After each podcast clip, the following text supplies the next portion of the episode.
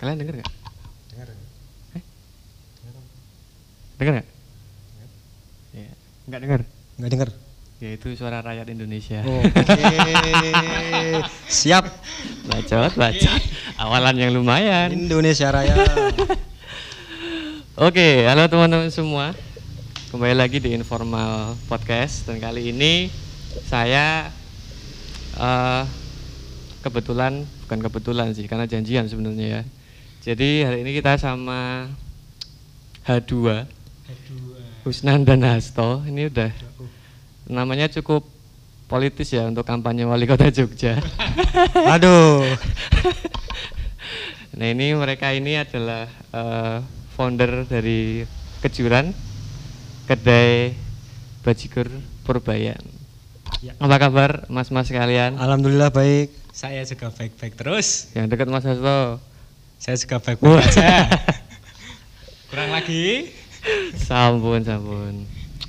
Nah oke, jadi eh, kita di sini akan ngobrol-ngobrol bareng Mas Hasto dan juga Mas Husna sama mereka berdua dan kita akan ngulik eh, sebenarnya apa sih yang sedang mereka jalankan hari ini gitu dan apa sih eh, mimpi- mimpi-mimpi mereka ke depan tuh mau ngapain sih dengan kejuran ini gitu kan.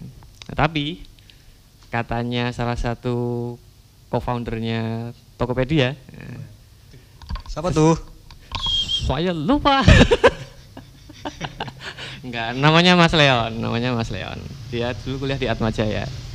Nah, salah satu hal yang selalu apa dari sebuah perusahaan itu atau sebuah usaha itu yang selalu ditengok pertama kali adalah who is the man behind the, the company dong, maksud the scenes.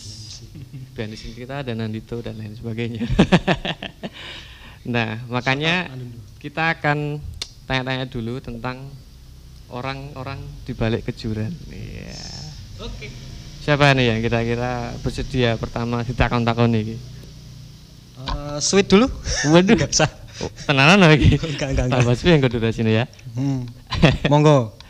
Nah, mungkin dari yang paling dekat, Mas Hasto dulu. Mas, kan nggak semua orang itu punya pikiran untuk jadi pengusaha. Nggih, bener. Nah, kok jenengan kemudian punya pikiran untuk oke deh, aku buka usaha, bikin kedai bajigur itu dulu kamu tuh pas kecil makan apa gitu? Saya kecil makannya telur sama kecap. Tiap hari itu. Enggak, tapi dulu pas kecil itu apakah memang misalnya dari segi keluarga, dari segi dari segi lingkungan tuh juga isinya adalah orang-orang yang punya usaha atau atau kapan sih atau di titik mana sih kamu kemudian kepikiran bahwa oke deh aku mau bikin usaha deh kayaknya. Oke. Ya, pertama dari masa kecil keluarga dulu ya. Mm-mm. Kalau di keluarga sendiri malah justru nggak ada yang basicnya ke entrepreneur sih. Nggak ada yang buka usaha semuanya ya. Bandar. karyawan. Bandar ya. Katakan bandar ya. Semuanya ya kerja di kantor Heeh. gitu. Nah berangkat dari situ aku pengen jadi salah satu bagian keluarga yang paling beda sendiri. Ke- Oh. dari kecil tuh aku agak ngeyel orangnya. Anu, nggak suka kalau sama semuanya gitu. Melawan ya. iya senengnya melawan gitu beling, bahasa Jawanya. Siap. jadi ya berangkat dari situ terus waktu SMA Hah? orang tua minta saya masuk sains atau IPA kalau di. Heeh. Tapi saya Nggak mau. nggak mau. Gitu. Saya pengen masuk IPS. Saya pengen belajar Siap. ekonomi. Saya pengen belajar sosial dan sebagainya. Heeh. Nah dari situ terus lulus Mm-mm. kuliah di UPN. Hmm. Kebetulan kuliahnya juga manajemen Mm-mm. yang pasti berhubungan dengan bisnis juga. Yoi. Nah dari situ muncullah ide ini setelah lulus ada pandemi, nggak ada kegiatan. Ya gimana caranya kita buat produktif aja lah. Awalnya dari iseng, yuk bikin sesuatu yuk. Hmm. Ya udah ada berangkat dari situ kita belajar dan memulai ini. Yang penting berani memulai dulu sih. Oke. Itu kalau dari saya. Siap. Kalau dari Mas Husna gimana Mas? Kalau saya kebalikannya dari Mas Hasto.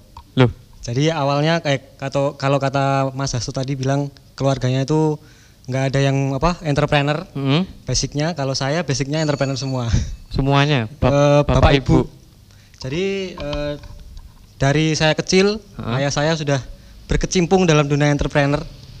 Jualan apa Eh, Mas? Pertama itu kan eh, ayah saya buka galeri. Hmm, ini ya dulu ya Ya, dulu. Galeri Di Magelang juga ada. lukisan-lukisan Mm-mm. bapaknya Mas Husna. Bisa dilihat tuh. Nanti kita room tour ya. Nanti kita room tour. Siap. Oh, setelah tapi selain buka galeri, eh, ayah saya juga ada travel agent dulu kerja sama sama om saya juga. Hmm. Terus ada lagi ber- apa namanya buka warung, warung Ah. kupat tahu. Nah, Di sini juga. di tempat lain Tempat dulu lain. tanahnya banyak sih, enggak canda. Luar biasa. Crazy Rich kota gede. Iya. Eh, nah, eh, justru malah saya yang apa ya dari kecil nggak mau jadi pengusaha. Uh, nah ini menarik Karena- ini. Iya kebalikan malah. Karena pikiran saya kok ngoyo, apa-apa harus diurus sendiri. Saya pengennya kayak men- menjalani mengal apa namanya? eh, menga- apa? eh, ngalir aja lah. Atau pengen jadi profesional gitu. Ya profesional dalam suatu bidang gitulah. Nah, tapi kenapa kok kemudian Nah, ketemu di titik ini karena pandemi juga. Oh, Bener karena efek pandemi dan eh, pas itu juga teman saya ya kita bertiga sih lebih menawarkan untuk ayo kita bikin sesuatu gitu. Mm, dan ah dia eh, ada ide pertama nih eh, kedai bajigur. Mm, oke ayo kita bikin berhubung saya punya apa tempat Hmm. wis. Eh, saya mengiyakan dan apa namanya eh, bajigur ini kan menurut saya memiliki peluang yang apa ya eh, tidak cukup unik gitu. cukup ya. unik lah bener Nggak- nggak dan membawa orang membawa eh, ke ciri khasan sendiri yang- Mm, karena menurut apa bajigur minuman kan tradisional. minuman tradisional benar sementara kalau mau bikin coffee shop tapi sebelum bikin eh, kedai bajigur nih saya kepikiran untuk bikin coffee shop Wah, ngalahke Odi, awas di ngalahke Rusna, kancamu dhewe. tapi eh, berhubung coffee shop udah banyak di Jogja ya jumlahnya tiga ribuan Mm, setiap 2 kilo itu coffee shop ada mm. jadi eh, saya mengiyakan eh, ajakan teman saya untuk bikin kedai bajigur Yang ngajak tuh si Hasta atau Eh, teman saya satu lagi berarti aslinya ada tiga founder. ya tiga founder bener Mana yang satu? Ah, itu menjadi misteri sekarang sampai sekarang Nanti itu tebak-tebakan. Yang menang giveaway deh. Di manakah dia? Nah dari situ langsung nih eh, tanpa babi bu bebo dengan modal seadanya dan ya niat nekat gitu aja kita bikin dengan modal dikit-dikit lah. Oke. Gitu. Jadi ini eh, apa? Salah satu apa ya? Aku nggak bisa bilang entah positif atau negatif dari pandemi gitu ya. Tapi mungkin kalau nggak ada pandemi, ya ini Mungkin tidak ada. ini kejuran tuh nggak ada ini. Saya juga nggak akan ketemu nih sama dua manusia Bisa ini. jadi. Kita nggak ketemu.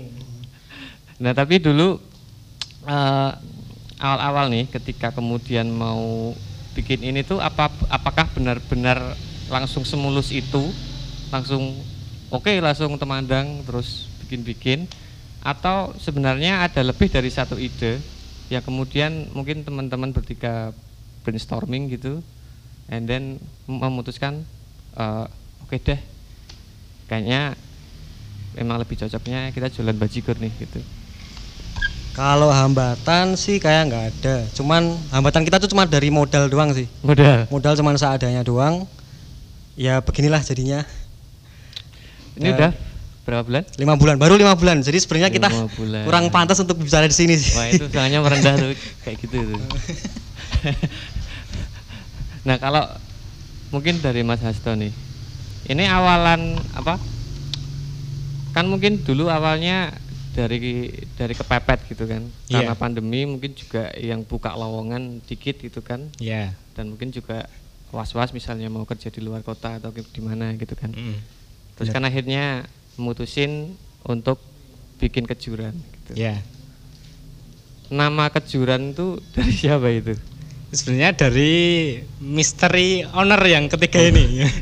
Cukup misteri sebenarnya itu. Iya. Jadi awalnya saya gabung ke kejuran ini sebenarnya ini kan ide si misteri owner sama Husna. Heeh. Nah, terus saya kebetulan main ke rumah waktu ada mereka berdua main ke rumah Husna. Hmm. Nah, terus diajak, yuk bikin sesuatu yuk. Apa? Kedai bajigur. Nah, saya kan tipe orang yang bukan orang yang suka planning. Oh nggak banyak planning I tapi kalau ada ide yuk jalani yuk jalani. Hmm, hmm, ayo tak bantu gitu. Mm-mm. jadi saya masuk ke situ ayo mulai. Kurangnya apa? Kita omongin bareng-bareng terus jalan. Nah, saya seperti itu. Kalau nama kejuran sendiri itu ya dari si mystery owner ini ya. Founder founder founder pertama berarti. iya ya? founder pertamanya. Siapa itu founder pertamanya? Kejuran ya? nanti Lumayan bisa ditebak ya Tapi sekarang setelah kemudian establish selama kurang lebih lima bulan, kira-kira nih kan udah mulai ngelihat tren yang terjadi selama lima bulan di kejuran ini gitu kan. Ini si wedang ini, ini wedang bajigur nih namanya nih. Bajigur ini bajigur panas, ini bajigur susu es. Bajigur panas dan bajigur susu es. Ini bedanya biasanya nggak pakai roti, di sini pakai roti. Yoi. Nah ini apakah wedang ini tuh yang teralis atau bukan? Jangan-jangan malah bukan. Wih. Eh, Siapa so tahu. far eh, di lima bulan terakhir ini memang yang paling hits di sini Hah? bajigur, Wih. jelas itu. Sudah berapa anu? Tahu berapa gelas? Kalau berapa gelas? ya belum sampai seribu sih tapi ya lumayan banyak ratusan Lumayan, ratusan bro. udah ada. Ratusan udah ada. Mantap sekali. Terus juga eh, sebenarnya ini kalau mau ngulik desain juga agak boleh deh. Ini sebenarnya gini. Wedang bajigur itu kan dia coklat gitu ya. Tapi kenapa sih kalian milihnya kuning gitu sebagai latar ininya? Eh, lebih ke agar menarik perhatian orang aja sih. Kan unik itu juga eh kuning apa? Nah warna kuning kan warna yang mencolok yang cenderung kayak Kayak orang langsung bikin klik ketika ngelihat loh. Heeh. gila. Lebih di situ dan kita menyesuaikannya eh, lebih menyesuaikan aja sih yang di dalam itu kuning. Hmm, hmm. Kalau yang di luar kuning, kita yang dalam kuning juga gitu. Ini OTW kuning ini berarti teman-teman. Ya, OTW lah. OTW kuning ini nanti. Nah, satu hal yang menarik juga dari mereka berdua setelah saya tanya Google siapakah mereka gitu kan. Saya nemu LinkedIn-nya mereka. Dan ternyata mereka adalah alumni dari Merapi Online. Sebuah warnet terkemuka di Jogja. Jadi dulu kalian tuh ngapain di Merapi Online tuh? Jadi OP atau jadi apa? Eh, jadi OP sih. Kan Itu pas SM bukan, ini pas kuliah akhir juga. barengan? Yap. Wow, Kuat sekali ya bang mereka. Kita solid. Sahabat sejati. Sama jadi. Kerja aja bareng. Istrinya sama. Iya. Wow, Maksudnya isinya? Istrinya sama. bisa. Enggak dong. Oh. Kirain kirain isinya, apaan isinya? kan solid itu kan. Istri. Jadi dulu dulu ngapain sih kok kemudian milih ke sana gitu Pak? Kalian sebenarnya hanya ingin mengcopy film-film game. Eh, kalau dari saya sendiri sih karena saya sering copy film Oh, dan bener kan? game juga. Terus ngelihat tempatnya tuh kok bagus banget ini. Apakah mereka bahagia kerja di sini gitu kan. Tempatnya nyaman gitu dan mereka selalu menyambut saya dengan senyum. Ramah. Ya, ya padahal itu udah SOP sih. Saya pernah ke salah satu grupnya dan seperti itu juga sih. Terlihat senyum walaupun di hati sedang mengaung-ngaung tidak tahu. ya, terus saya kan terus en- apa namanya eh, join lah, pengen join juga. Eh ternyata eh, iseng-iseng daftar, ternyata keterima. Ya udah Itu ternyata part itu part time atau? part time dan saya juga butuh uang tambahan kan. Hmm. Nah, Kalau Mas Hasto kenapa Mas alasannya Mas? di saya karena itu Melu-melu Husna. Enggak, ada masuk semester 7 atau 8 ya, saya lupa ya. Itu saya merasa bahwa kalau skripsi doang terus di rumah nggak ngapain-ngapain kayak gabut gitu loh. Bahasa bahasa gaulnya gabut. Nyita waktu loh, dia gabut. Iya, karena kayak bisa disambi ya. Kira-kira saya bisa produktif apa ya? Saya masuk, tapi kan juga harus bagi waktu. Jadinya milihnya yang part time. Hmm. Nah, terus menemukan Merapi itu dapat info bareng sama Husna juga ternyata. Hmm. Oh, Kita- berarti kalian nggak janjian? Janjian, janjian. Oh, oke oke. Jadi kita dapat info dari misalkan dari IG, Oh, tak kira terus, dari ya. teman misterius. iseng-iseng daftar yuk. terus saya terus ajak coba daftar yuk. Ternyata masuk berdua juga. Oke. Terus ya, ya sekitar enam bulan lah di sana. Enam bulanan. Hmm, sambil skripsi pas, kontraknya habis, skripsi selesai. Oh, berarti Kalau saya, kontrak tuh selama enam bulan? Iya. Nggak selama setahun ya? ya. Oh. Karena nego kita. Oh, nego. Iya nego. Harusnya satu tahun, tapi kita nego-nego boleh enam bulan ternyata. Punya kekuatan negosiasi yang baik. Yo Investor-investor hati-hati Anda. Isventur waduh. nah, eh, selama di Merapi online itu kan mak- maksudnya gini, salah satu hal yang identik dengan kalian berdua menurutku ya, setelah aku kenal kalian tuh kalian tuh seneng game dan kalian kayaknya juga seneng yang sifatnya IT IT gitu kan. Nah, sedangkan kan hari ini trennya anak-anak muda atau kalian tidak muda ya jangan-jangan. Waduh. Itu kan sukanya kayak setelah lulus eh, entah ke startup atau bikin startup gitu kan sebuah usaha yang eh, dia mengembangkan pakai pakai teknologi gitulah secara kasarnya. Tapi kalian ternyata milih yang lebih konvensional gitu, bikin eh, sebuah kedai gitu. Apa sih alasan kalian gitu? Maksudnya apakah kalian nggak mau riding the wave yang sekarang sedang apa? Mm-mm. Sedangkan kita juga punya beberapa perusahaan IT yang mulai gede gitu kan. Kira-kira gimana dari kalian? Kalau dari saya ya, eh, kenapa saya nggak bikin startup? Karena lebih ke tidak punya ilmunya. Hmm. Mungkin kalau saya ada ilmunya dan tahu cara cari ilmunya, mungkin saya bakal bikin startup. Bikin startup. Berarti sebenarnya punya ketertarikan. Ada ketertarikan, jelas. Apa yang membuatmu tertarik dengan startup sebenarnya? Eh, berhubung apa ya Indonesia sedang gencar-gencarnya memasuki 2.0 industri 2.0 Kok tuh poin oh. Empat iya deh. Wah, empat- ini empat berarti point dia nggak muda beneran. Salah saya salah. Dia nggak muda, Fik. Tolong dikat, Dia tolong nggak dikat. muda. Tidak ada kat-katan di Informal Empat titik Podcast. nol. ya jadi masuk ke era teknologi di mana apa semua apa semuanya tuh sedang masuk ke apa ya peralihan ke teknologi Hmm. gitu kan. Hmm. Siapa yang tidak mau itu adalah sebuah peluang sih menurut saya. Ya saya jelas mau sih, cuman nggak ada ilmunya dan tidak tahu cara mencarinya, tidak ada yang bisa mengajari juga, mentornya nggak ada. Hmm. Ya lebih ke konvensional aja karena memang ini lebih mudah untuk dilakukan atau Hmm. cari ilmunya lah. Mhm. Kalau misalnya eh, pengen apa? Jujur saya apa namanya? eh, awal bikin ini pun udah bilang sama eh, Hasto sama founder satu lagi itu. Kalau saya tuh- disebutin lagi namanya. masak itu sangat tidak bisa. Heeh. Sangat tidak bisa masak saya. Tidak bisa. Tidak bisa semuanya. Tapi eh, gara-gara modal nekat dan eh, terus saya juga ada kemauan untuk eh, cobalah eh, belajar masak gitu. Saya cuma belajar dari YouTube lah ini semua semuanya yang saya pelajari di sini. Hmm, Thanks to YouTube. Dan juga apa ya? Mereka juga share ilmu ke saya sih, eh, Asto dan co-foundernya satu lagi itu. Hmm. Nah, kemudian eh, terbentuklah ini Oke. karena lebih mudah dicari sih ilmunya. Siap. Di YouTube siap. ada. Kalau IT kan butuh sepertinya butuh mentor yang Iya, atau bahkan iya, iya. butuh sekolah gitu kan. Iya, iya, iya. iya. Nah, kalau ini kan lebih mudah untuk dicari. Oke, Jadinya oke. ke, ke- lebih ke situ sih alasan saya. Siap, alasan saya. Kalau Mas Hasto gimana Mas Hasto? Kalau saya emang dari kecil emang udah hobi game. Saya Hmm. kenal game online itu dari kelas 5 SD gitu. Main apa? PB. Enggak, Eh, dulu ada sih, game online namanya Seal Online. Itu game online pertama Ah. saya itu. Dan sampai kuliah pun sempat main juga. Masih main? Masih main Sekarang udah enggak? Sekarang udah enggak, udah pensiun. Cuman itu game masih ada? Masih, masih. Oh, masih ada.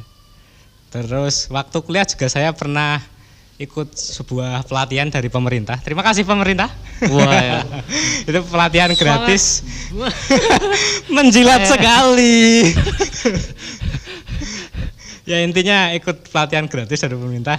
Di sana kita diajari gimana caranya untuk instalasi komputer, gimana caranya Hmm. untuk perbaikan-perbaikan software seperti itu. Hmm. Ya kurang lebih tapi masih basic. Mm-mm. Ya dari situ ya aku pernah juga mencoba waktu kuliah kayak buka jasa instalasi software. Ya Hmm. walaupun bajakan nggak boleh ya. Jangan ditiru. Halo Microsoft. Ya itu ya jalan tapi karena waktu itu nggak telaten jadi ya ya malas-malasan seperti itulah. Nggak Oke. jalan. Terus sekarang ngelakuin itu sebagai hobi.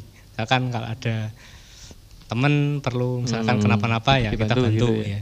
Tapi kalau ketertarikanmu terhadap industri startup gimana? Ah, kamu adakah ketertarikan itu seperti Husna misalnya? Jelas ada. Jelas ada. Iya.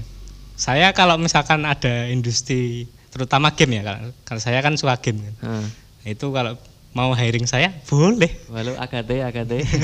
Apa game love juga boleh loh. iya, kan dekat ya kantornya ya. Deket ya kantornya. Itu, tapi ya karena keterbatasan skill juga. Kalau programming kan juga belum belajar Mm, juga kan. Ya dari situ sih. Dan modalnya juga belum ada. Pengen banget belajar sebenarnya. Cuma sebenarnya dari kalian berdua seandainya ada kesempatan, ada mis kan setauku Agathe itu dia punya akademi sebenarnya. Iya. Terus juga ada namanya yang punyanya Mbak Alamanda tuh Binar Academy. Itu kan juga ngajarin orang untuk kalau Binar kayaknya coding atau apa gitu lupa. Tapi kan Iya, kalau dari coding. iya kan dari Agathe kan mungkin lebih ke, ke dunia gamenya gitu misalnya. Iya. Berarti seandainya ada peluang itu bakal disikat tuh. Iya jelas. Kalau ada. Halo Agathe, ini loh ada yang suka main game. Saya siap masuk. Siap ke Bandung berarti ya. Boleh. Ke mana aja lah. Oke oke.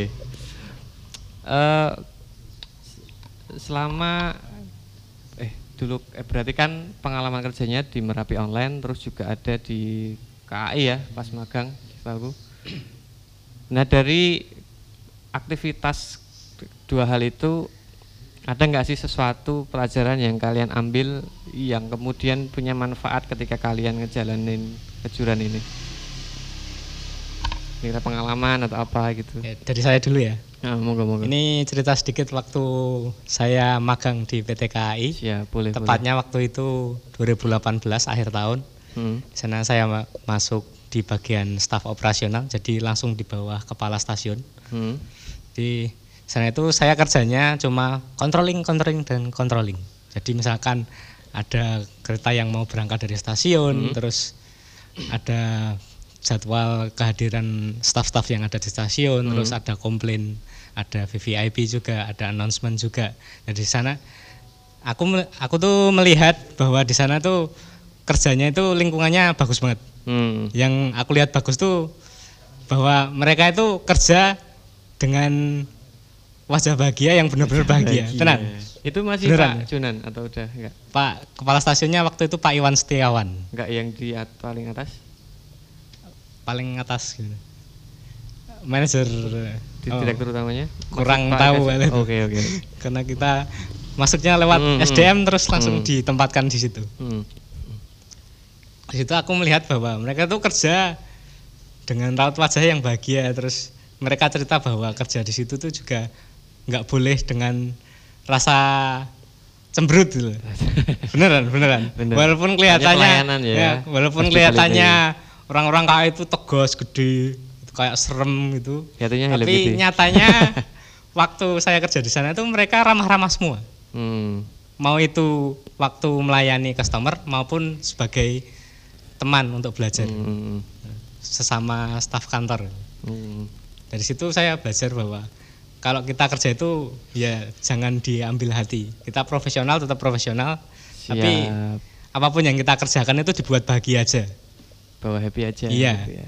Berarti Kalau enggak malah stres. Ini juga yang sekarang kamu bawa ke kejuran gitu. Ya kurang lebih itu sih. You are happy. Yap. Selama saya bahagia, saya pengen teruskan. Wih, mantap. Dari Mas Husna, pripun Ma- Mas Husna? Kalau saya ini lebih ke disiplin Hmm. sama time management juga. Karena pas eh, ini bukan soal saya kerja di Merapi atau di KAI ya, karena Hmm. pas saya kerja di Merapi itu eh, saya juga mengambil kursus lain barista, tapi juga skripsi. Wedan. Jadi saya harus benar-benar membagi eh, tiga waktu tersebut gimana caranya dan saya belajar banyak dari situ dan juga disiplin time management terus di sisi lain eh di sisi lain eh, udah sih kayaknya cuma itu time management dan management. dan apa ya lebih ke rasa ingin tahu sih kalau ternyata Curious- curiosity. ada banyak hal di dunia ini yang saya tidak tahu dan saya pengen explore Hmm. itu yang saya makanya saya tidak pernah konsisten terhadap satu hal karena eh, pengen menjelajah dulu lah gitu Hmm. Eh, kuliah manajemen ambil barista kursus terus juga kerja di merapi jadi OP sekarang buka usaha ya seperti itulah saya lebih bisa fleksibel dan kalau eh, dan di organisasi pun juga saya Hmm. kerja di jadi apa namanya kominfo Hmm. di mana di situ tuh kerjanya kayak desain bikin video fotografi banyak jadi tapi saya di sisi di situ saya suka Multi banget eh, untuk belajar hal baru dan saya apa namanya eh, kalau bisa dan ada kesempatan atau jalan gitu dan bahkan mungkin mentor Mm. eh, untuk exploring hal-hal baru saya mau sih punya willingness yang besar ke situ. tapi ya kelemahannya satu karena saya tidak konsisten dan tidak ada hal yang saya fokuskan mungkin jadi tidak ada apa ya nilai plus untuk saya sih ada. karena jujur saya orangnya juga bosenan sih itu Eh, berarti ini ya apa? Eh, ini juga sesuatu yang menarik sih dari Husna. Kamu suka apa? Fotografi. Kayaknya aku lihat di Instagrammu juga kamu Wah, foto-foto. stalker. Iya, iya. Maksudnya kamu gak ada keinginan gitu untuk eh, apa dapat duit dari fotografi maksudnya. jelas ini ada Ka- eh, saya di sisi itu eh, selain ngepost di IG saya juga ngepost di Pinterest dan apa ngejual foto di Shutterstock baru Shutterstock sih Saya di di Shutterstock belum ada yang kebeli. Iya belum ada sekali. susah juga ya dari dari foto. Oke. Nah, ini selama udah lima bulan kalian udah apa eh, ngejalin ini bareng-bareng, and then kalian punya pengalaman macam-macam juga di belakang gitu kan. Tapi saat mulai ini atau saat ngejalanin ini ada nggak sih ah, hambatan-hambatan yang mungkin entah dari personal kalian, entah dari regulasi misalnya atau apa yang kemudian bikin kalian tuh mungkin ragu-ragu mengambil langkah gitu. Apakah kemalasan di dalam diri? Oke, hambatan ya. Kalau hambatan di sini sih kebanyakan sih soal finansial. Kita tidak punya modal banyak, cuy. Jadi para investor yang kalau mau memasukkan dananya kita terima di sini. Nanti mereka berdua siap Itu bikin satu. presentasi. Lalu nomor dua, menurut saya ini kan usaha yang dibangun sama teman ya, teman Hmm. yang benar-benar tiga-tiganya itu belum pernah membuka suatu bisnis. Hmm. Jadi ya benar-benar semuanya dari nol. Dan itu untuk memisahkan antara hubungan pertemanan dengan profesional untuk Ya, membuka usaha itu itu, kadang susah susah, ya. ya. kadang untuk ya mesti ka- kadang ada perbedaan pendapat Hmm. kayak gitu itu yang jadi Kalau perbedaan sih. pendapatan Wah itu tidak usah disebutkan. berapa persen ini presentasinya? ya? Terus apa lagi tuh kira-kira? Ya kurang lebih itu sih. Mungkin dari sudut pandang Husna ada lagi. Kalau saya sih sama kayak Hasto eh, masalah finansial juga itu pasti di setiap eh, usaha ada lah. Ya, pasti Terus dong. kedua masalah pertemanan dan kerja tadi sih bener. Karena eh, apa ya? Kadang kita tuh kayak apa ya nyuruh nyuruh teman sendiri untuk Ah. melakukan tugasnya kadang kurang enak, nggak Gitu, enak gitu. oke, Terus oke. di sisi la- di samping itu eh, apa ya? Ada eh Wah ini salah satu yang nggak enak tuh gini-gini. Iya berarti. bener bener itu dia itu dia bener sekali. Apa Gus? Eh, kadang juga ah, nggak jadi deh. Ah, Wah, ini menonton nunggu loh. Sebutin Gus. Enggak wis nek bubar kejuaraan. Eh, lebih ke masalah antara founder-founder tadi sih. Hmm, hmm. Lebih ke situ aja. Udah. Tapi dulu ada itu enggak sih? Eh, maksudnya di awal kan umumnya pasti udah tahu sendiri bahwa ketika pertemanan dibawa ke bisnis tuh kadang-kadang ada resikonya. Iya bener. Tapi dulu di awal-awal ada nggak semacam apa ya semacam appointment bahwa oke pokoknya ketika ini masalah bisnis semuanya harus legowo gitu atau semuanya harus terbuka harus jujur apa adanya gitu.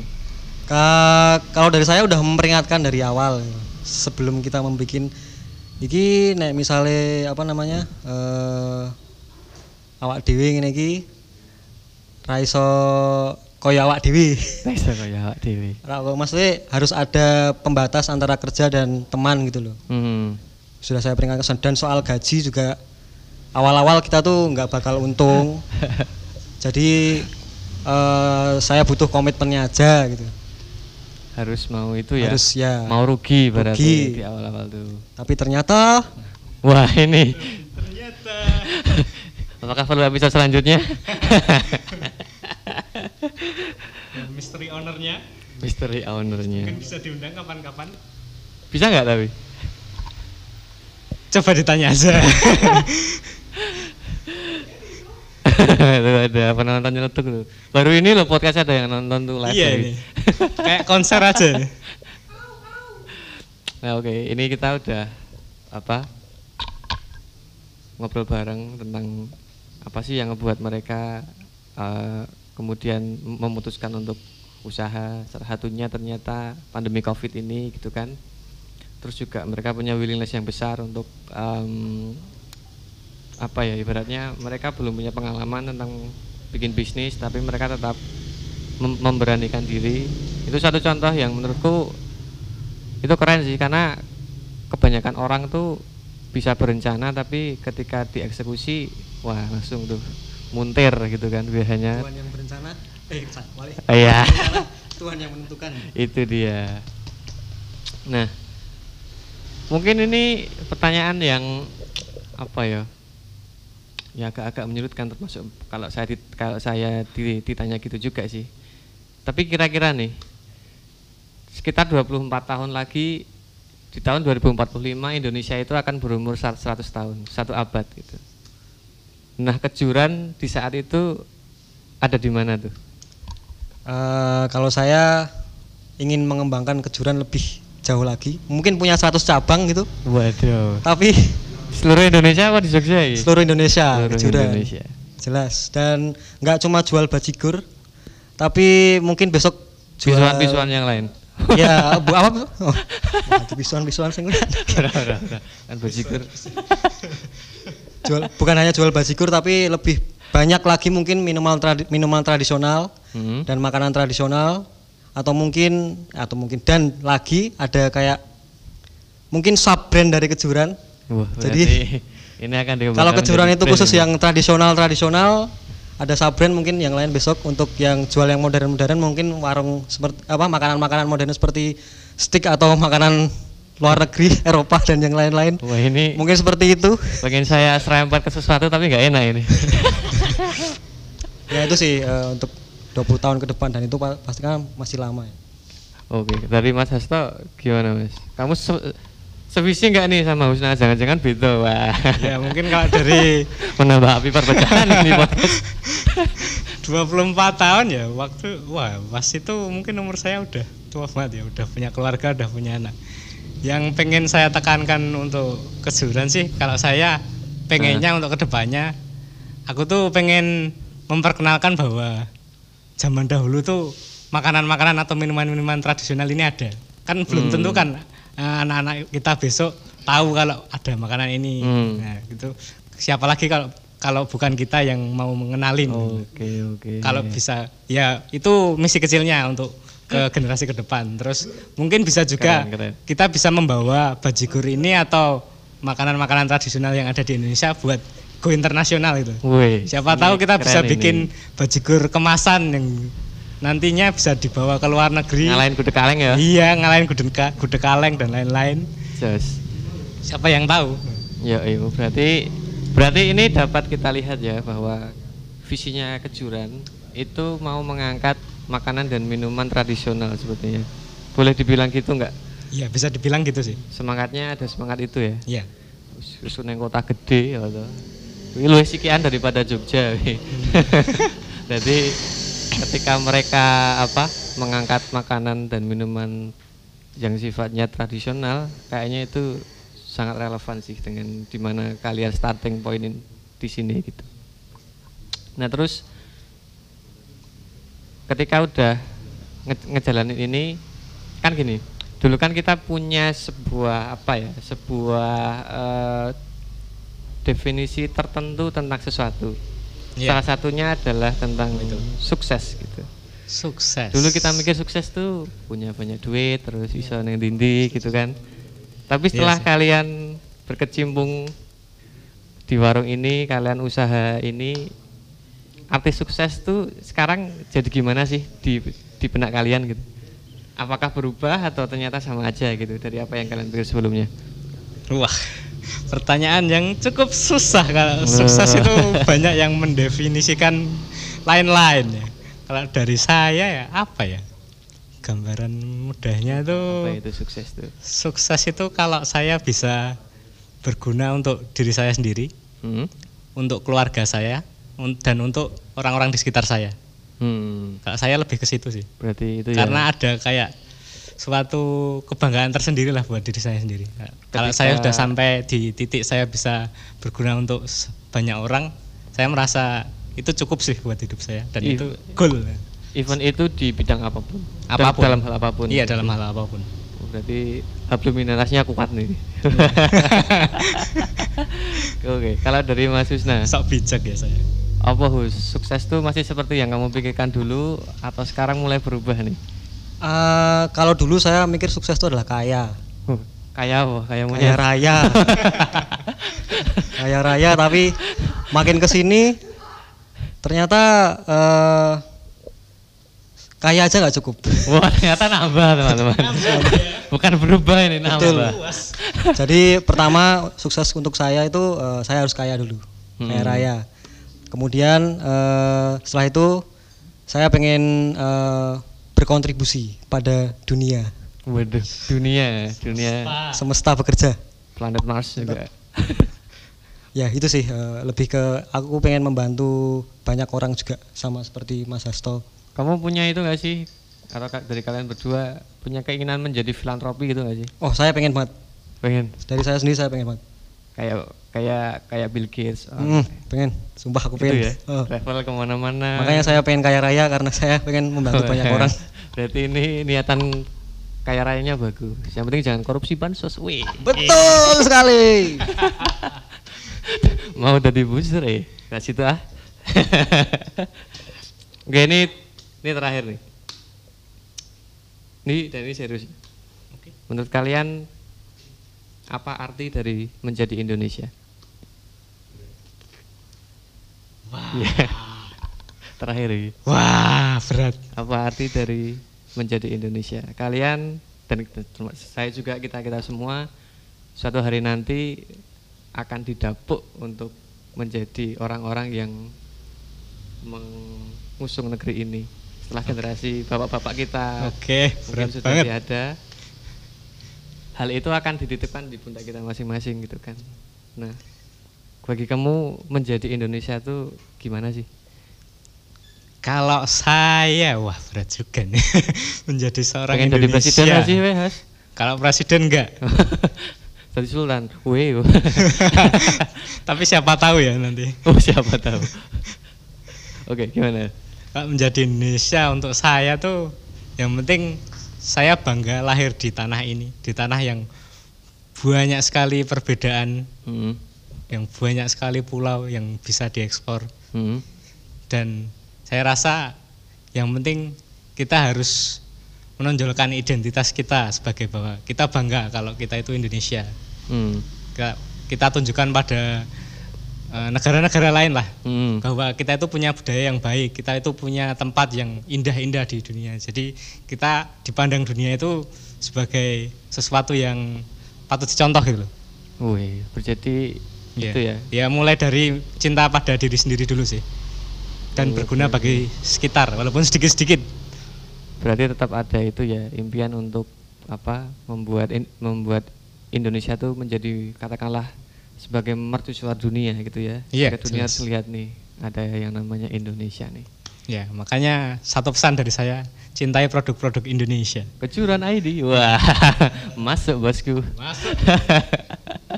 Oke, dari Mas Isna gimana Mas Isna? Kalau dari saya menjadi Indonesia itu menerima keberagaman, menerima keberagaman. Hmm, mentoleransi eh, segala perbedaan yang ada. Sekarang mayoritas dan minoritas itu kan kayak kesenjangan yang sangat lebar ya. Hmm. Saya pengen eh, bahwa tidak ada lagi kata mayoritas dan minoritas. Hmm. Semuanya adalah mayoritas. Mayoritas bangsa Indonesia. Siap. Ini keren-keren ini mereka berdua ini. Jadi yang satu ingin nunjukin ke dunia bahwa Indonesia bisa jadi mer mercusuar dunia, yang satu ingin untuk menunjukin bahwa ini loh Indonesia. Meskipun kita beragam, macam-macam orangnya gitu kan, tapi kita punya satu semangat yang sama yaitu untuk menjadi Indonesia. Terus keren lah. Oke, thank you so much Mas Hasto, Mas Husna. Terima kasih banyak menyempatkan waktunya. Ini masih kerja sebenarnya mereka. Maaf nggak bisa share-share ilmu banyak ini kita masih noob. Eh, merendah juga ini lagi nih. Merendah ini. Tapi mimpinya tinggi sekali dan itu bagus. Dan kalau jatuh sakit bos.